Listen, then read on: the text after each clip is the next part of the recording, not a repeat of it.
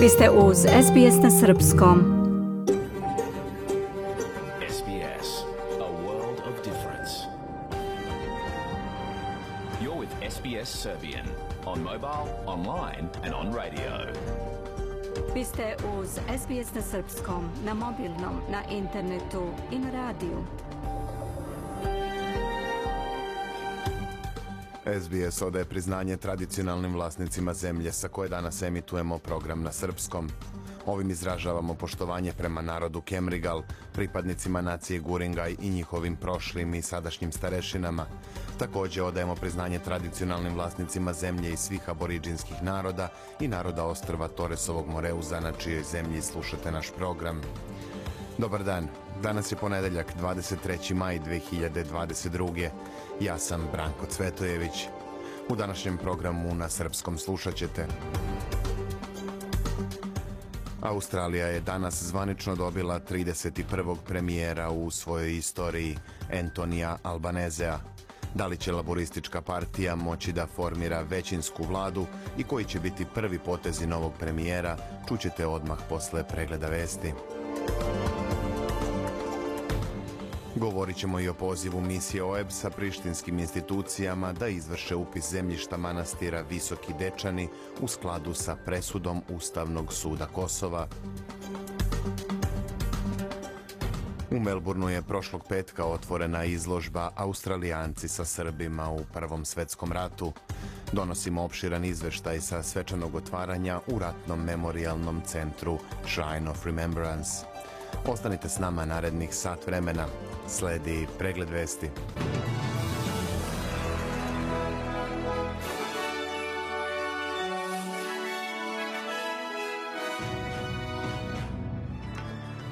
Albaneze položio zakletvu i otputovao u Japan kao novi premijer. Za Srbiju postoji samo izbor između zapada i istoka, poručio američki ambasador Hill. Zapadni Balkan pripada Evropi, kaže nemački kancelar Scholz.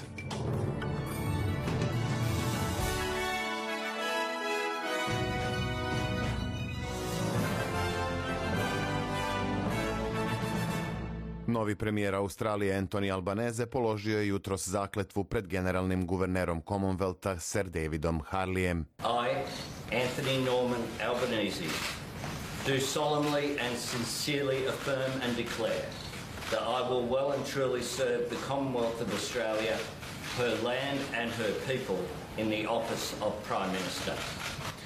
Albaneze je održao i svoju prvu konferenciju za medije kao 31. savezni premijer, a zatim je otputovao u Tokio na prvi zvanični sastanak sa liderima Japana, Sjedinjenih država i Indije.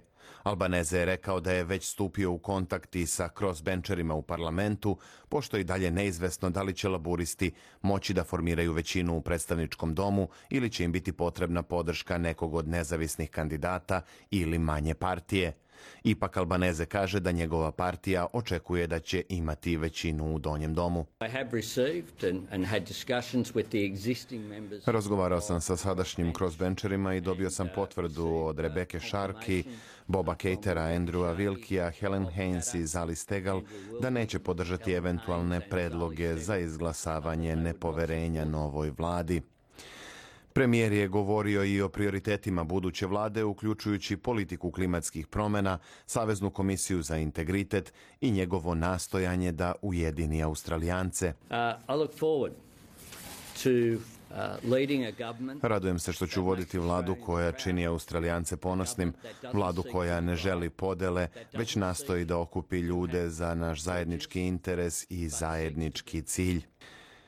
Bivši zamenik premijera Australije Barnaby Joyce odbacio je tvrdnje da je nacionalna stranka ugrozila šanse liberala na izborima.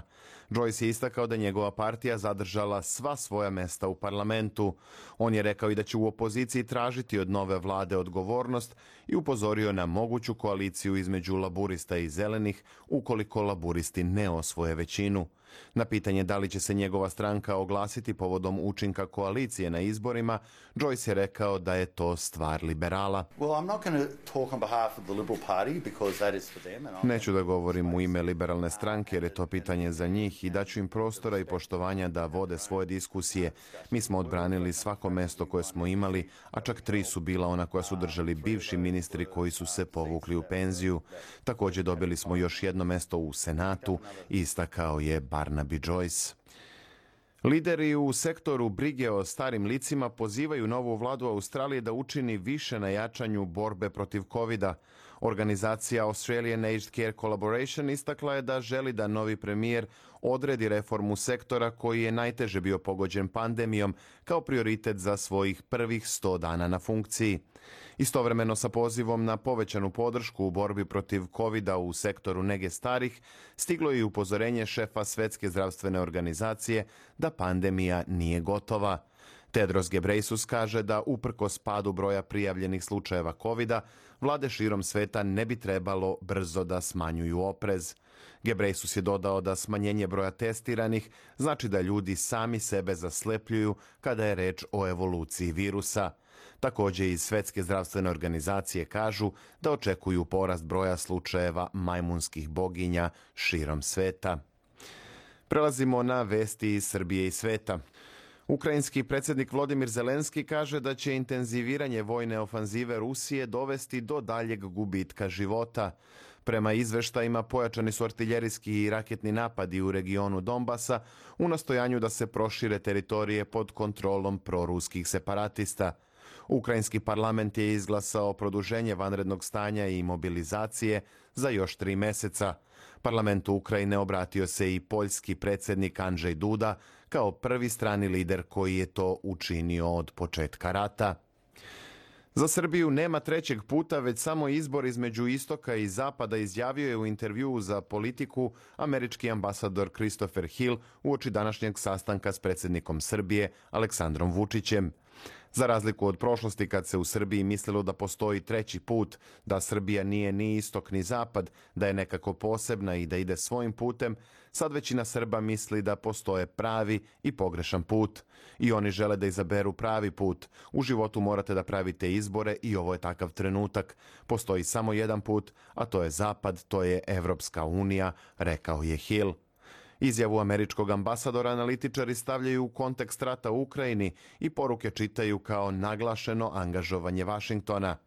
Nekadašnji srpski diplomata Zoran Milivojević kaže za RTS da još veću dinamiku prema celom regionu, a posebno prema Srbiji, očekuje od juna na kraju francuskog predsedavanja Evropskom unijom. Ostaje pritisak da se priključimo sankcijama Rusiji, da se na taj način kvalifikujemo, rekao bih, za narednu fazu da nam eventualno po tom osnovu otvore e, klaster u junu e, i, to, i na toj liniji treba razumeti i ove sve posete i delovanja koje smo imali, ali i ono što nas čeka u narednom periodu. Američki ambasador Hill se osvrnuo i na energetsku politiku Srbije. On smatra da nije u srpskom interesu da bude toliko energetski zavisna od Rusije. Zoran Milivojević međutim smatra da Srbija ipak neće dovesti u pitanje odnose s Rusijom. Bez obzira šta ko misli, bez obzira na pritiske vezano i za sankcije i za naše odnose sa, sa Rusijom i drugim zemljama, naš glavni motiv u našem ponašanju je državni nacionalni interes. Gas je jedan od tih interesa i drugi ključan interes i najvažnije Kosovo i Metohija po kojoj ceni će Srbija od 1. juna kupovati gas od Rusije i koje će količine biti u pitanju, više će se znati sredinom nedelje posle telefonskog razgovora predsjednika Srbije i Rusije, Vučića i Putina. Aktuelni desetogodišnji aranžman po ceni od 270 dolara za 1000 kubika ističe 31. maja. Lider socijalističke partije Srbije Ivica Dačić izjavio je da je državno rukovodstvo pronašlo pravu meru kada je reč o zahtevima Zapada da se uvedu sankcije Rusiji. Dačić je na televiziji Pink rekao da se vrši veliki pritisak na predsjednika Srbije, dodajući da je državno rukovodstvo na sednici Saveta za nacionalnu bezbednost donelo zaključke vodeći se interesima Srbije. Srbija je osudila akt kršenja teritorijalnog integriteta Ukrajine, ali nije uvela restriktivne mere Moskvi, podsjetio je Dačić. Prema njegovim rečima, prioriteti Srbije su članstvo u Evropskoj uniji i zaštita teritorijalnog integriteta. Dačić je i rekao i da predsjednik Vučić treba da položi zakletvu za novi mandat, ali nije bilo očekivano da to učini pred starim sazivom parlamenta, što će upravo biti slučaj ovaj put, jer izborni proces još nije završen zbog različitih tužbi i ponavljanja glasanja. Kosovski premijer Albin Kurti zatražio je tokom boravka u Sjedinjenim državama da vojni kamp Bonstil kod Uroševca postane stalna vojna baza SAD, objavio je portal Kosev pozivajući se na saopštenje iz Kurtijevog kabineta. Kurti već dve nedelje boravi u zvaničnoj poseti Americi, a tokom protekla dva dana održao je završne sastanke sa američkim zvaničnicima u Vašingtonu. Imao je niz sastanaka sa kongresmenima, sa kojima je pretežno razgovarao o ruskoj invaziji na Ukrajinu, uticaju tog rata na Zapadni Balkan, kosovskoj dijaspori u Americi, te podršci Amerike na poljima ekonomije, investicije i bezbednosti na Kosovu. Kurti se sastao i sa kongresmenom Monderom Johnsonom, koji je, kako je navela kosovska vlada, jedan od vodećih glasova Američkog kongresa u podršci progresivnim promenama. Kako se navodi u saopštenju, Kurti je sa Johnsonom razgovarao o pretnji po region do koje može doći vojnim savezom Srbije i Rusije i istakao da je potrebno demilitarizovati kopneni pojas u blizini Kosova, tvrdeći da je Srbija uspostavila ukupno 48 ofanzivnih operativnih baza. U saopštenju kosovske vlade nije navedeno šta je Kurtijev sagovornik govorio tokom ovog sastanka, prenosi Kosev. U međuvremenu list reporteri prenosi da je član predsjedništva Demokratske partije Kosova Betim Đoši na svom Facebook profilu napisao da je Kurti napustio Ameriku uz poruku te zemlje ne želimo vas. Pre samo nekoliko godina kosovske čelnike primali su u Beloj kući. Kurti je primljen na stepenicama. Ni Biden, ni Harris, ni Blinken nisu imali pet minuta za kosovskog premijera. Ovo se nije desilo zato što je bio kosovski premijer, već zato što je to bio Albin Kurti, naveo je Đoši. On je rekao da bi građani Kosova trebalo da razmisle zašto su Amerikanci ignorisali Kurtijevu posetu. Nemački kancelar Olaf Scholz rekao je da će pre sastanka Evropskog saveta u junu posetiti Zapadni Balkan s porukom da region pripada Evropskoj uniji. Kako prenosi Reuters, Scholz je to rekao u obraćanju poslanicima u Bundestagu, podsjetivši da Crna Gora, Srbija, Albanija, Severna Makedonija, Bosna i Hercegovina i Kosovo teže članstvu u Uniji i da su uključeni u višegodišnji reformski proces. Poštovanje naših obaveza prema njima nije samo pitanje naše kredibiliteta. Danas je više nego ikada njihova integracija i u našem strateškom interesu, rekao je Scholz, ukazujući na uticaj spoljnih sila u regionu, uključujući i Rusiju. Na međunarodnom tržištu valuta jedan australijski dolar danas vredi 70 američkih centi, 66 eurocenti, 57 britanskih penija i 78 srpskih dinara i 10 para. Evo i vremenske prognoze za sutra. U Sidneju pljuskovi i najviše 20 stepeni, u Melbourneu uglavnom sunčano i 18, a u Brisbaneu kišovito i 21. Za Kamberu se predviđa povremeno oblačno i 17, u Adelaidu na oblačenje i 22, a u Pertu kišovito 21 stepen. Na Tasmani povremeno oblačno i 14, a u Darwinu sunčano i 34. U Srbiji danas uglavnom vedro, temperatura od 17 do 27 stepeni. Slušali ste pregled vesti SBS radija na srpskom jeziku. Za više informacija posjetite sbs.com.au kosacrta news.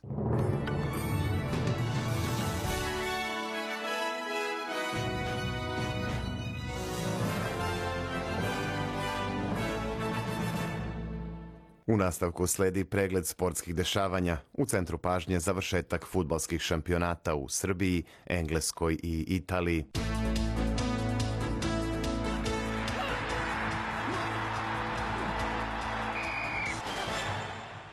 Futbaleri Crvene zvezde odbranili su titulu šampiona Srbije pošto su u poslednjem kolu Superlige pobedili Voždovac sa 3 prema 1. Zvezda je tako osvojila 33. titulu u klubskoj istoriji, a petu zaredom. Crveno-beli su poveli golom Kataija, na 2-0 je povećao Ivanića posle gola Milojevića za Voždovac. Tačku na pobedu Crvene zvezde stavio je golman i kapiten ekipe Milan Borjan golom iz penala u poslednjem minutu. Zvezda je sezonu završila sa stotinu bodova, a Partizan je drugi sa dva boda manje. Crnobeli su sinoć savladali Niški radnički sa 2-0, golom Rikarda iz penala i autogolom Jamkama. Crvena zvezda će predstavljati Srbiju u kvalifikacijama za Ligu šampiona, Partizan će u kvalifikacije za Ligu Evrope, dok u kvalifikacije za Ligu konferencija idu Čukarički i Niški radnički. Futbolska sezona u Srbiji završit će se u petak ujutro kada se igra finale kupa u kojem se sastaju Crvena zvezda i Partizan.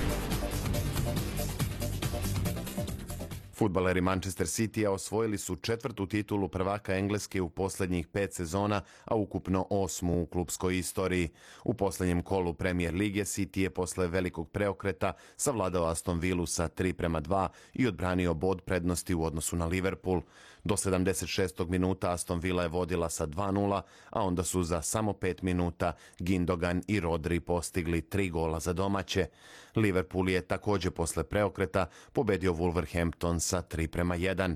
Pored Citya i Liverpoola u Ligu šampiona su se plasirali Chelsea i Tottenham, Arsenal i Manchester United igraće u Ligi Evrope, a West Ham u Ligi konferencija.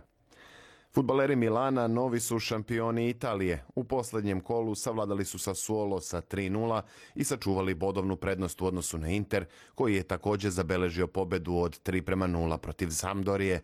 Milanu je ovo 19. titula prvaka Italije i zajedno sa Interom, Napolijem i Juventusom igraće u Ligi šampiona iduće sezone.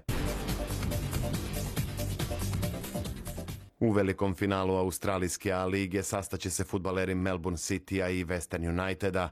Aktuelni prvaci države savladali su Adelaide United u revanšu polufinala sa 2-1 i izborili se za priliku da odbrane titulu.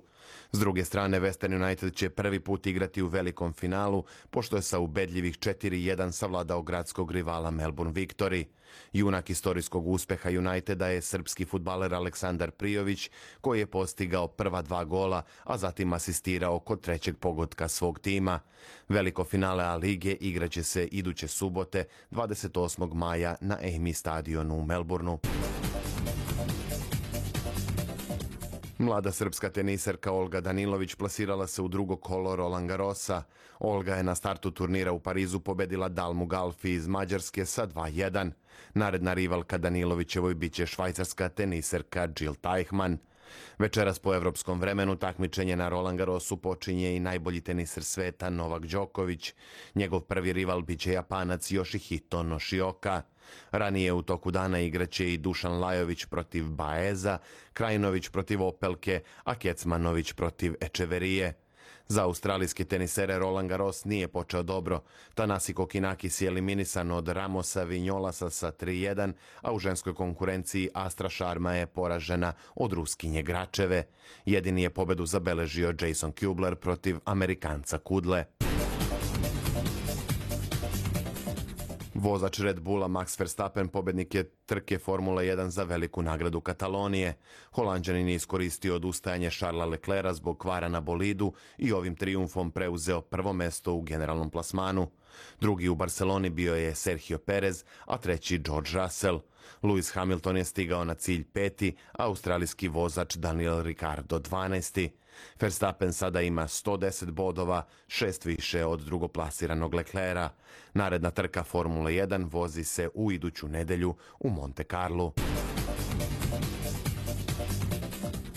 Košarkaši Partizana plasirali su se u finale regionalne ABA lige pošto su u trećem meču polufinala ubedljivo pobedili Podgoričku budućnost 101-77. Crnobeli sada čekaju pobednika večerašnjeg duela između Crvene zvezde i Cedevita Olimpije. Partizanu će ovo biti prvo finale Jadranske lige još od 2013. godine, kada su poslednji put i osvojili šampionski trofej. SBS ogledalo aktualnih zbivanja u sportu. Predstavljamo SBS World Watch, naš novi televizijski kanal posvećen vestima iz celog sveta. Od sada možete da pratite srpske vesti RTS-a iz Beograda na kanalu 35.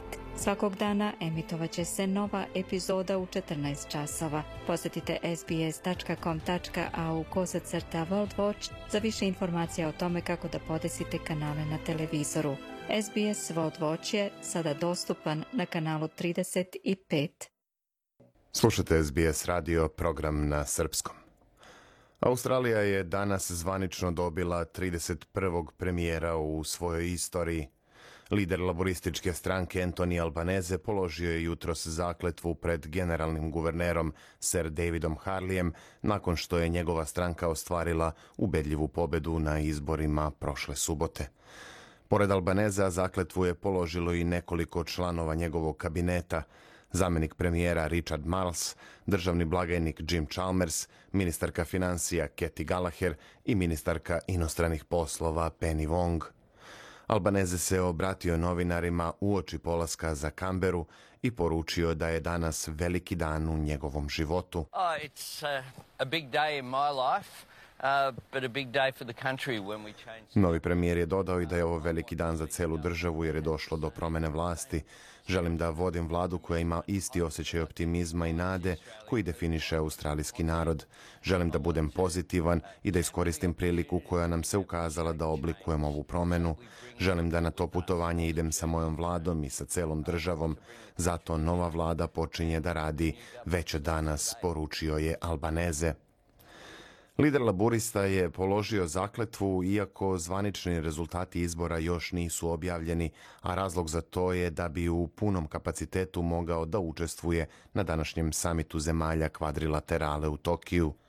Albaneze će se kasnije tokom dana sastati sa američkim predsjednikom Josephom Bidenom i premijerima Japana i Indije Fumijom Kishidom i Narendrom Modijem. Put Japana s Albanezom pošla je i nova ministarka inostranih poslova Penny Wong. Sastanak lidera kvada je apsolutni prioritet za Australiju jer će nam omogućiti priliku da pošaljemo poruku svetu da je došlo do promene vlade u našoj zemlji i da će doći do određenih promena u državnoj politici, pre svega po pitanju klimatskih promena i našeg angažovanja na svetskoj sceni, istakao je Albaneze. Za to vreme Australijska izborna komisija nastavlja da prebrojava preostale glasove sa subotnjih izbora. AEC je jutros objavio projekciju prema kojoj će laburisti imati sigurnih 75 sedišta u predstavničkom domu parlamenta. To znači da, ukoliko se ništa ne promeni, nedostajeće im jedan poslanik da formiraju većinu i moraće da potraže podršku nekog od nezavisnih kandidata ili od predstavnika manjih stranaka. Prema trenutnoj proceni izborne komisije, dosadašnja vladajuća koalicija obezbedila je 53 mesta u donjem domu parlamenta, a može da popravi rezultat za još tri. Čak i da ishod bude takav, liberali i nacionalna stranka zajedno izgubili su čak 19 poslaničkih mesta u odnosu na prethodni saziv parlamenta. Veliki uspeh na izborima ostvarili su nezavisni kandidati koji su za sada uzeli čak 10 sedišta u predstavničkom domu, a moguće je da će se taj broj i uvećati jer su u šest izbornih jedinica rezultati izuzetno neizvesni. Poređenja radi, u prethodnom sazivu parlamenta bila su samo četiri nezavisna kandidata. Svoja sedišta su sačuvali i Bob Cater i Alijansa centra, a još nije sigurno da li će zeleni imati dva ili tri predstavnika. Ono što je poznato, Australija je dobila prvog premijera koji nema anglo-keltsko prezime. Anthony Albanese je po ocu italijanskog porekla i ne propušta da naglasi da je odrastao u socijalnom stanu u Sidneju s majkom koja je bila invalidski penzioner. U čast Albanezeove pobede u nedelju ujutro se slavilo u naselju iz kog on dolazi.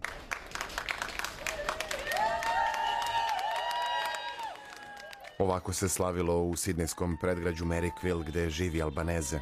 Oduševljenje nisu sakrivali ni kuvari u lokalnom restoranu Bar Italija koji kažu da je novi premijer njihov omiljeni gost. What do you think about our favorite customer, Anthony Albanese, winning the election? What do you think? Boys are excited.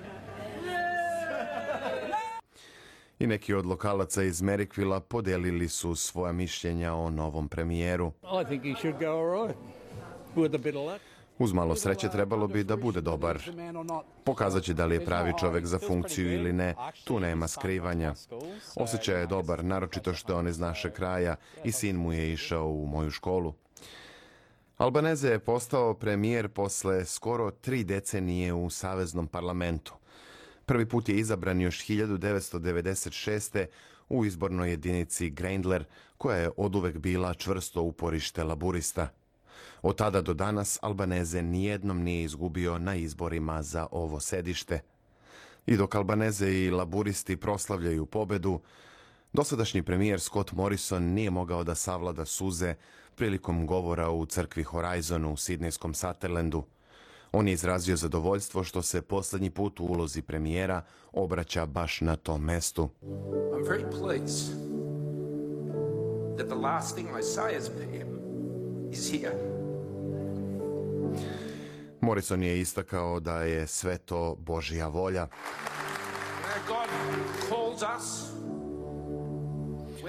Bog nas sve zove, bilo da ste premijer ili pastor, da vodite firmu, predajete u školi ili da radite u policiji.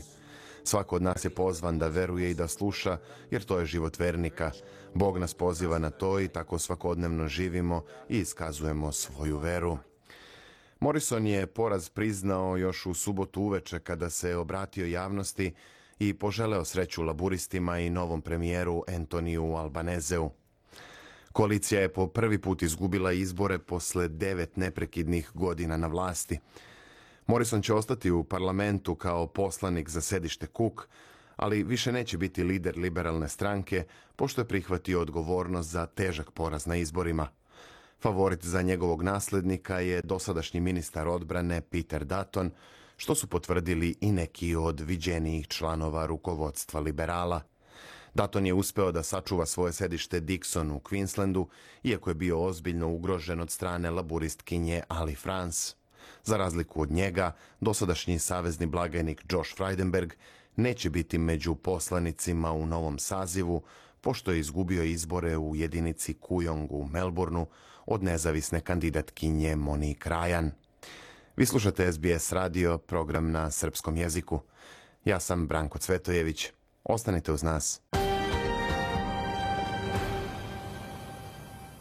Slušate SBS na srpskom. Misija OEBS-a na Kosovu pozvala je prošlog petka prištinske institucije da izvrše upis zemljišta manastira Visoki Dečani u skladu sa presudom Ustavnog suda Kosova. Prethodno su isto zatražili i šefovi misija zemalja Kvinte i delegacija Evropske unije. Tim povodom reagovao je i direktor Kancelarije za Kosovo i Metohiju u vladi Srbije Petar Petković. Izveštava Hranislav Nikolić. Misija OEPS na Kosovu pozvala je prošle nedelje prištinske institucije da izvrše upis zemljišta manastira Visoki Dečani u skladu sa presudom Kosovskog ustavnog suda. Danas je šesta godišnjica od odluke Ustavnog suda kojem se manastiru Visoki Dečani priznaje vlasništvo nad 24 hektara okolnog zemljišta, navela je misija OEPS na Twitteru. Prethodno su šefovi misija zemalja Kvinte i delegacija EU pozvali vladu u Prištini da bez daljeg odlaganja u potpunosti izvrše zakonit upis zemljišta manastira Dečani u skladu sa odlukom Ustavnog suda.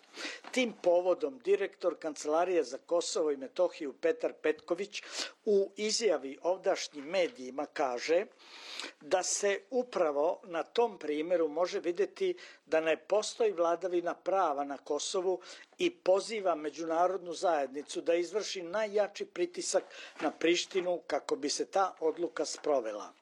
Manastir Visoki Dečani od 2006. godine nalazi se na listi ugrožene svetske baštine. Četiri puta Albanci sa Kosova su pokušavali da granatiraju tu srednjovekovnu svetinju i da samo zahvaljujući tome što ga vojnici Hvora čuvaju, manastir postoji. Visoki dečani nalaze se na listi sedam najugroženijih spomenika kulture po mišljenju Evropa Nostra. Pozivajući međunarodnu zajednicu da izvrši najjači pritisak na Prištinu da se sprovede odluka o vraćanju zemlje manastiru Visoki Dečani, Petković kaže da nema evropskog političara ili svetskog lidera koji je bio na Kosovu, a da nije pomenuo to na izvršenje odluke. Petar Petković ističe da Priština, kada je reč o poštovanju prava srpskog naroda na Kosovu i svega onoga što je u interesu srpskog naroda, gazi to isto pravo. Vidite da po pitanju vladavine prava Priština se odnosi kao da je reč o nekom švedskom stolu. Oni se pozivaju na Ustavni sud onda kada je potrebno da se napadne zajednica srpskih opština, ali zato kada je potrebno vratiti zemljište visokim dečanima, onda negiraju tu odluku, govore da je to odluka iz perioda Slobodana Miloševića i e, pokušavaju da učine sve od najniže instance, odnosno lokalne samouprave, pa do e, najviše instance privremenih institucija samouprave, dakle da e, zaustave izvršenje te odluke i da zapravo pokažu da volja pojedinca volja političara u Prištini je iznad bilo kog zakona i bilo kog suda. Manastir Visoki Dečani je srpski srednjovekovni pravoslavni manastir zadužbina kralja Stefana Dečanskog i cara Dušana. Inicijativa za gradnju ovog manastira pripadala je Svetom Savi, kralj Stefan Dečanski u njegovoj Hrisovulji je jasno kazao da je mesto za dizanje hrama Božijeg u Dečanima izabrao Sveti Sava, ali ga je smrt prestigla, a bilo je suđeno kralju Urušu III da podigne manastir na tom mestu. Gradnja je trajala između 1326. do 1335. godine, a freske su završene oko 1348. godine. Manastir je posvećen vaznesenju gospodnjem Spasovdanu. Manastirska crkva predstavlja petobrodnu građevinu i pripada raškom stilu. U samom planu Dečana stara iskustva raškog graditeljstva razvijena su i dovedena do sasvim novog izraza uz primenu najsloženijeg rešenja romanogotičke arhitekture. Manastir se nalazi u jednoj udolini, pored rečice Dečanska Bistrica, jugozapadno od Peći, ispod planinskog masiva Prokletije. Mošti svetog kralja Stefana Dečanskog i svete Jelene Dečanske počivaju u tom manastiru. Na kraju da kažemo i ovo. Samo od početka ove godine više od 11 hramova i crkava Srpske pravoslavne crkve na Kosovu i Metohiji je oskrnavljeno. Iz Beograda za SBS radio Hranislav Nikolić. Slušajte SBS na srpskom, na mobilnom, na internetu i na radiju. U Srbiji je u toku trka za dobijanje televizijskih frekvencija sa nacionalnom pokrivenošću. Zbog čega se oko te dodele rasplamsala burna polemika, koje sve TV stanice konkurišu i sa kakvim šansama su ušle u trku, saznaćemo iz razgovora sa Mijom Nikolić. Mija, dobar dan. Recite nam, kada će biti poznato koji kanali će biti dostupni na teritoriji cele Srbije? E, Biljana, koje će televizijske kanale moći da gleda cela Srbija, bit će poznato nakon odluke nadležnog tela, čiji je konkurs koji traje do 20. juna već otvorio brojne dileme. Naime, regulatorno telo za elektronske medije raspisao je konkurs za četiri TV frekvencije sa nacionalnom pokrivenošću, a postojeće dozvole koriste privatne televizije Pink, B92, Prva i Happy i očekuje se da će one, pošto ističu avgusta ove godine, tražiti njihovo obnavljanje. Za deo javnosti je ključno da li će regulator ispitivati koliko je program ovih televizija bio u skladu sa zakonom, tim pre što su ovi mediji označeni kao provladini. Dileme je dodatno produbilo i to što u konkurs nije uvrštena peta frekvencija koja je slobodna od 2012. nakon gašenja jedne TV stanice. Time je smanjena mogućnost da frekvenciju dobije neki od nezavisnih kablovskih kanala. Za Juditu Popović, članicu saveta REMA, poznatu po tome što voli da dovodi stvari u red, isključivo po zakonu, nije ključna peta frekvencija, nego izrada novog pravilnika o nediskriminišućim uslovima za televiziju umesto onog iz 2016. koji toleriše činjenicu da se mediji ne pridržavaju odredaba medijskog zakona i da su programski sadržaj problematični. Kao primer za to navela je TV Pink, koji za prošlu godinu, iako je bio obavezan, nije imao deči program, kao ni naučno-obrazovni, kulturno-umetnički, dok je dokumentarni imao 0,03%. U uslovima za dobijanje dozvole inače stoji da je podnosilac prijave dužan da raspolaže profesionalnom i funkcionalnom opremom i drugim tehničkim sredstvima, ali prema tom pravilniku emiter mora u svom programu da ima informativni, naučno-obrazovni, kulturno-umetnički, dokumentarni, deči program i program za maloletnike. Frekvencije čiji je broj ograničen smatraju se inače nacionalnim dobrom i njihov vlasnik je država. Kako se procenjuje ko treba da dobije dozvolu za emitovanje? Profesor Fakulteta političkih nauka Rade Veljanovski navodi da je za procenu ko treba da bude u etru od 4. avgusta kada ističu prethodne dozvole, potrebno da se stavi pod lupu ponašanje dosadašnjih emitera, to jeste da se vidi da li je njihov program bio u skladu sa programskim elaboratom na osnovu koga im je izdata dozvola. Ima mnogo istraživanja i mnogo indikatora da su ove četiri televizije u velikoj meri radile za vlast. Ako iste televizije dobiju dozvolu, imaćemo nepromenjeno stanje koje nije u skladu sa javnim interesima, domaćim zakonima, ni evropskim demokratskim iskustvima, navodi profesor Veljanovski. On ipak ne očekuje puno od ovog rema, jer je, kako kaže, pokazao da navedenim televizijama toleriše mnogo toga, pa i kad su izricali određene mere ili sankcije, one su ili bile blage ili potpuno izostajale. Mm -hmm. Već izvesno vreme međunarodne organizacije ukazuju na nedostatak nezavisnosti tela za elektronske medije. Recite više. U izveštajima međunarodnih organizacija godinama unazad se upozorava da Srbija nazaduje u oblasti nezavisnosti medija. U onom objavljenom 20. aprila Freedom House podsjeća da je telo za elektronske medije kritikovano zbog nedostatka nezavisnosti. Ova organizacija navodi da vladajuće stranke dobijaju većinu medijskog prostora, da su mnogi privatni mediji u vlasništvu pristalica SNS-a, da veći deo njih uz popularne tabloide učestvuje u klevetničkim kampanjama protiv opozicije i drugih kritičara vlasti. E, Međunarodna organizacija Reporteri bez granica u preporukama za novo izabranu vlast 3. aprila savetuje da se nezavisnost i efikasnost REMA uspostavi smanjenjem broja članova koje biraju politička tela, da se njegovo odlučivanje učini transparentnim i da se ovom telu omogući da ukida dozvole. Predložena je javna debata o proširenju ovlašćenja REMA kako bi ovaj regulator mogao da kažnjava i sankcioniše medije.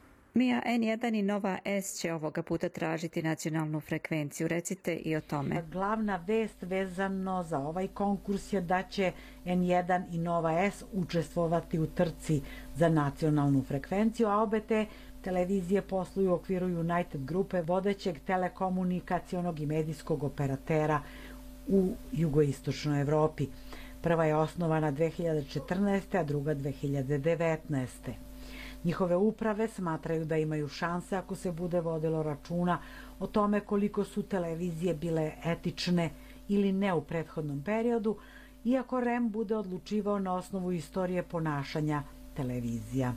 Iz vlasti nisu blagonaklono gledali na izveštavanje ta dva medija koji su ukazivali na prisutnost korupcije i veze kriminala sa vlastima i kritički govorili o aktivnostima zvaničnika.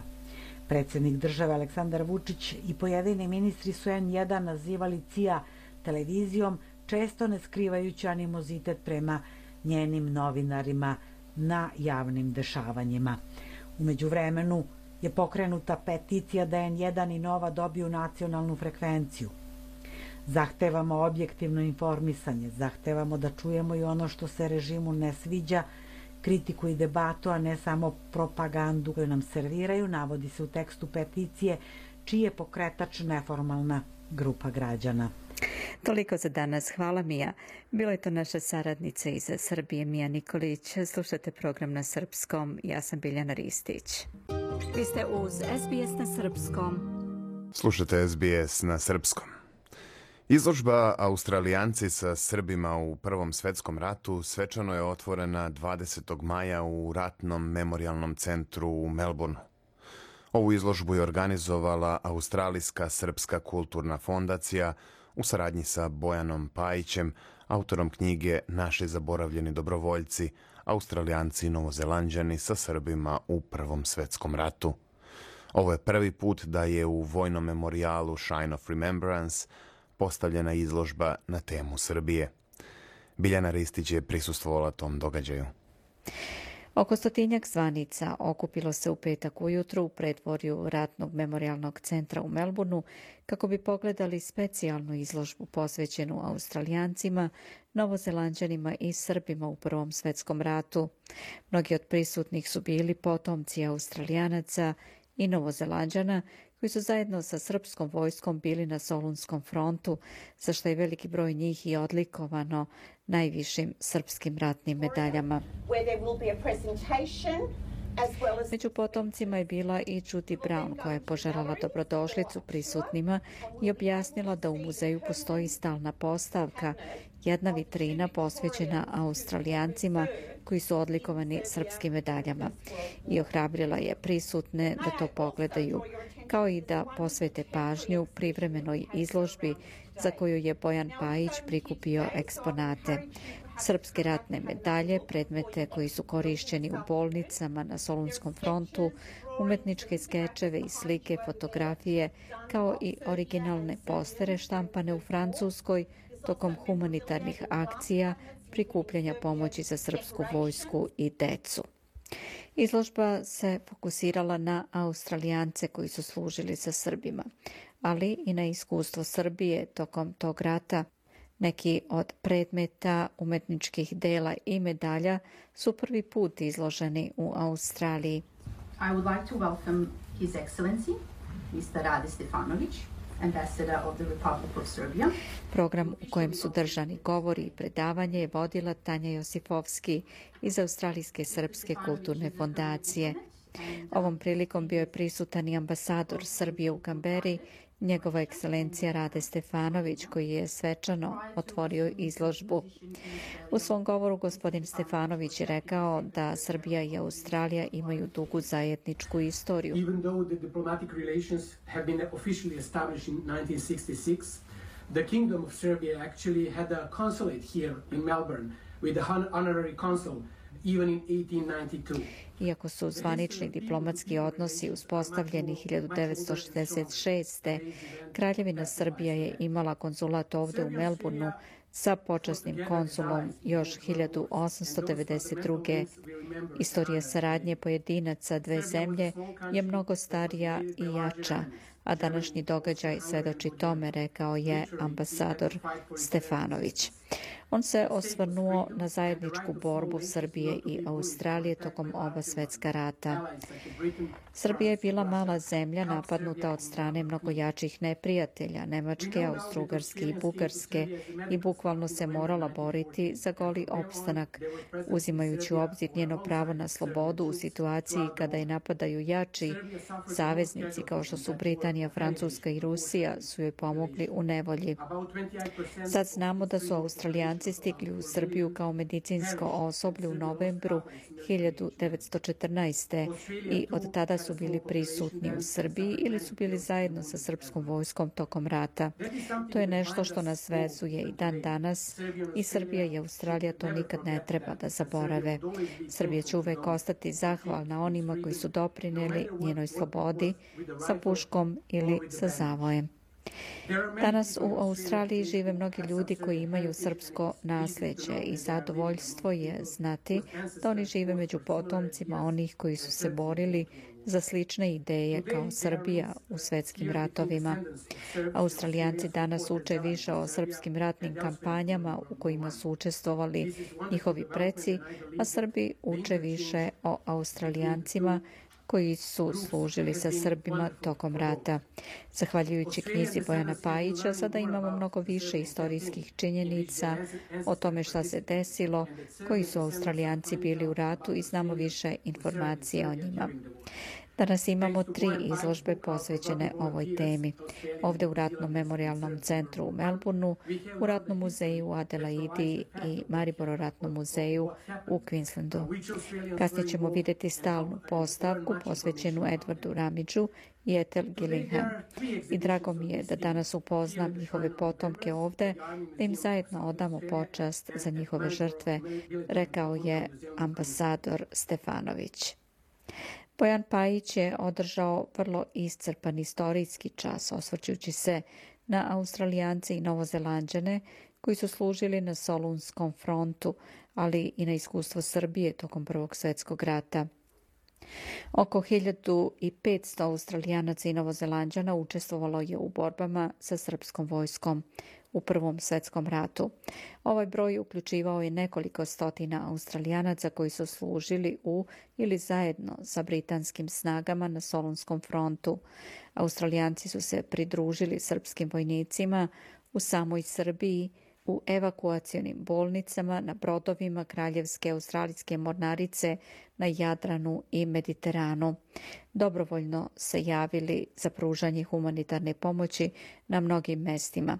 Više od 50 australijskih lekara i medicinskih sestara služilo je u Britanskom crvenom krstu, Srpskom humanitarnom fondu, u škotskim ženskim bolnicama i u drugim misijama, dok je preko 380 medicinskih sestara pripadnica australijske vojske radilo u bolnicama širom Solunskog fronta. But why was this Zašto se o ovoj kampanji nije znalo? Bukvalno je nepoznata i zaboravljena. Kad sam ja počeo da istražujem, skoro da nisam mogao da nađem ništa na engleskom jeziku. Verovatno je jedan od razloga to da je bila zasenjena Galipoljem i Zapadnim frontom.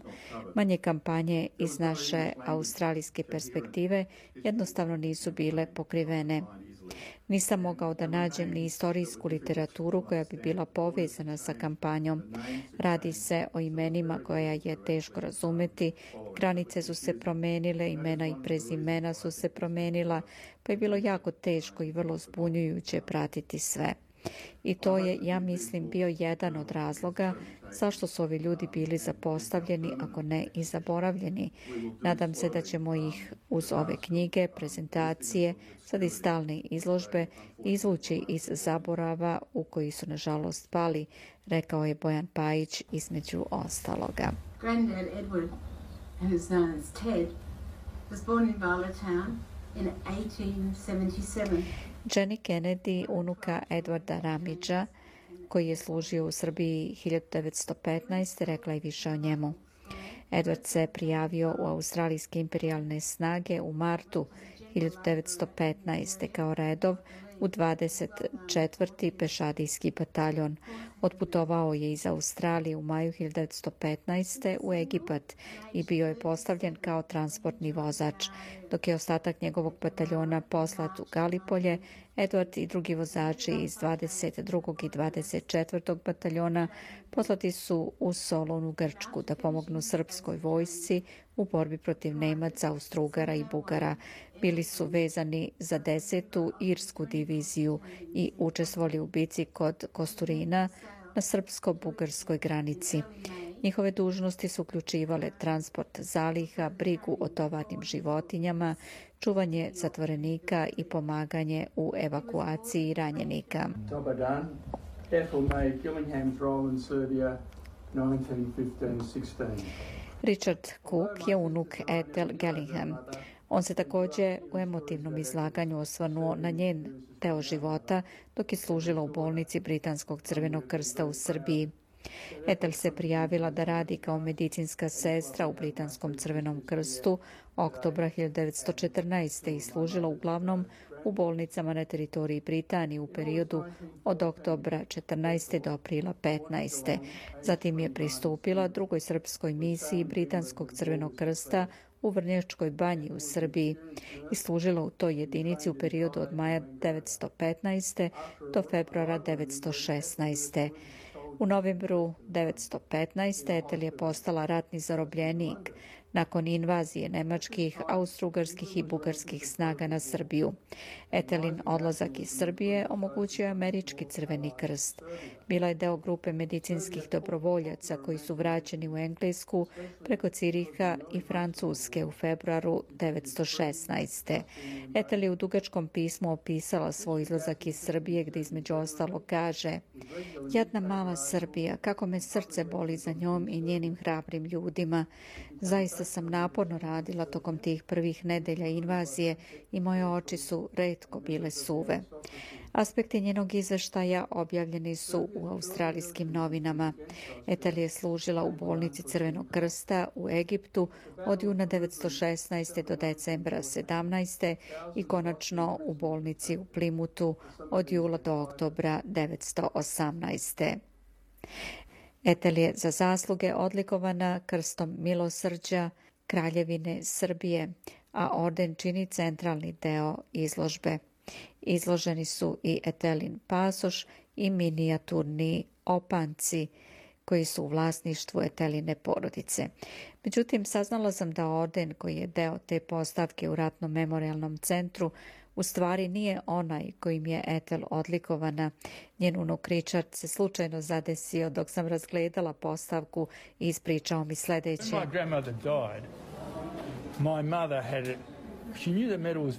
Kad je moja baka umrla, moja majka, iako je znala da je to vredna medalja, ispunila je njenu posljednju želju da je kremira sa njom.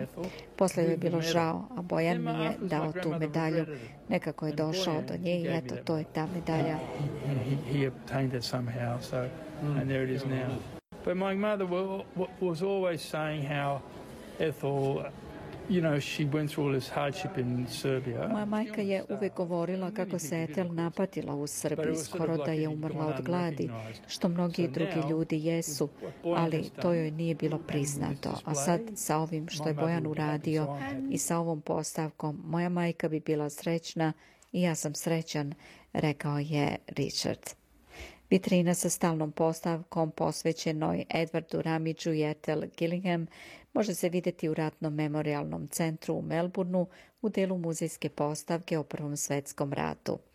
Nažalost, oni koji su učestvovali u Prvom svetskom ratu više nisu sa nama, a malo je i onih koji su veterani drugog svjetskog rata, kao što je 95-godišnji Toma Banjanin, koji je bio među zvanicama, dugogodišnji sekretar prve srpske podružnice Aresela, osnovane u Melbourneu od 1979. do 2014.